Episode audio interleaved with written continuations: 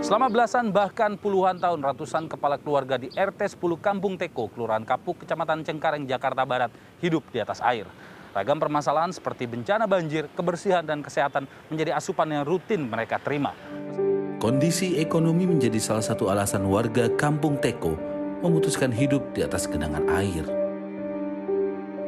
Salah satunya Intan, wanita 32 tahun yang lahir dan dibesarkan di kampung ini. Ia kini tinggal bersama ketiga anak dan ibunya di rumah yang perlahan tenggelam.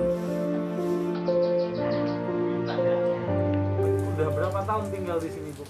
Uh, kalau saya sih dari lahir ya, cuman kalau orang tua itu dari tahun 78. 78 udah di sini. Iya. Nah, selama tinggal di sini udah berapa kali naikin rumah nih, Bu? Kurang lebih tiga kali ya Pak. Tiga kali. Itu karena genangan semua gitu. Iya, karena banjir, uh, itu yang nggak nggak surut-surut sih sebenarnya ya. Uh, jadi ya itu udah tiga kali rombak. Ini dulu terakhir ini paling tinggi Pak. Terakhir, Rumah ini? Iya, terakhir bangun ini sebelum kayak sekarang ini paling tinggi. Ini atap ini paling Iya, tinggi. paling berarti. tinggi. Nah, tapi dinaikin lagi sekarang ya, Bu ya? Uh, uh, ini aja udah berapa kali nguruk. Nggak memutuskan untuk pindah atau bagaimana, Bu? Nggak ada kepikiran sih Pak. Belum. Dengan kondisi yang ada, Intan memutuskan bertahan. Meski ancaman berbagai penyakit seperti penyakit kulit dan diare menghantui perkembangan anak-anaknya. Kampung Teko dikenal sebagai kampung apung karena ratusan rumah kini berdiri di atas genangan air sedalam 3 meter. Salah satu tokoh masyarakat setempat Juri menyampaikan kondisi ini terjadi selama 30 tahun terakhir akibat hilangnya sawah di sekitar kampung. Pria yang telah menetap di sini selama 60 tahun itu merasakan betul perubahan lingkungan yang terjadi. Pak Juri, Ya. dulu ini yang tergenang ini lahan apa? Iya, ini areal pemakaman sebenarnya yang tergenang. Jadi tergenang ini area pemakaman di mana-mana juga mestinya kita setuju lah ya, bahwasanya area pemakaman itu selalu menggunakan dataran tinggi, Lebih tinggi lah. lebih tinggi dari kampungnya. Maka eh, kampung yang di depan ini rumah-rumah itu ting- ketinggiannya lebih tinggi area pemakaman ini sekitar 2 meter tingginya. Maka sekarang kalau ketinggian air di atas pemakaman ini lebih dari 2 meter, bagaimana dengan kampung-kampungnya? Seperti kampung-kampung yang ada rumah-rumah. Itu rumah-rumah sekarang yang ada itu, itu dia berdiri, lantainya itu di bagian atap rumah yang lama. Berbagai usaha telah dilakukan oleh Juhri dan warga lain untuk mengembalikan kampung seluas 4 hektar itu seperti semula. Namun hingga kini tidak ada langkah nyata dari pemerintah untuk menyelamatkan kampung apung.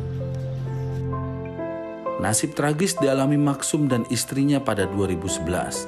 Sang anak yang baru berusia 4 tahun meninggal akibat tercebur dan tidak sempat diselamatkan. Baik, Pak Masum, Iya. dulu pernah ada apa kejadian kehilangan anak ya Pak?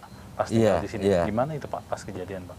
Ya pas waktu itu Kejadiannya di sini. kejadiannya dia ya di di bawah situ tuh. Iya. Meski mendapat pengalaman pahit, Maksum enggan pindah karena tidak memiliki pilihan tempat tinggal lain. Selama puluhan tahun ratusan rumah yang dihuni oleh 200 keluarga berdiri di atas air. Sekilas kampung ini tidak berbeda dengan permukiman lain. Warga masih menggunakan air tanah untuk mencuci dan mandi, sementara kebutuhan air untuk konsumsi harus membeli kepada penjual air keliling. Pihak Kelurahan Kapuk menyebut akan mendorong pemerintah Provinsi DKI Jakarta melakukan pemulihan kampung. Hanya ada beberapa prosedur teknis yang harus dilalui dan melibatkan masyarakat dalam pelaksanaannya. Kalau langkah eh, menghilangkan air itu pertama kalau dengan cara pengurukan nggak mungkin juga ya.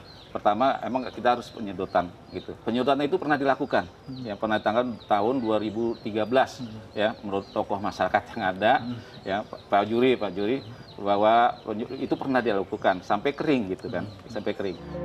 Sebagai wilayah yang terlanjur dihuni, kondisi kampung apung tidak bisa terus dibiarkan. Langkah konkret harus segera dilakukan pemerintah untuk menyelamatkan lingkungan dan hajat hidup masyarakat setempat. Nah, pertanyaannya, Pemprov DKI mau menjadikan rumah air berarti harus menata ulang kawasan. Kalau menjadikan rumah manusia, rumah yang bagaimana yang paling sesuai?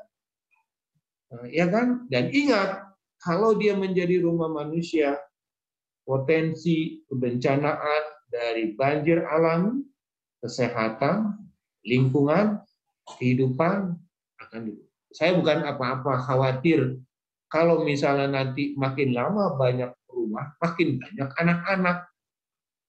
Takutnya itu tadi bermainnya di mana kecemplung. Itu perlu diperhatikan ya kan. Edo Eka Rizky, Fordanto Bimantoro, Riki Maulana, Jakarta.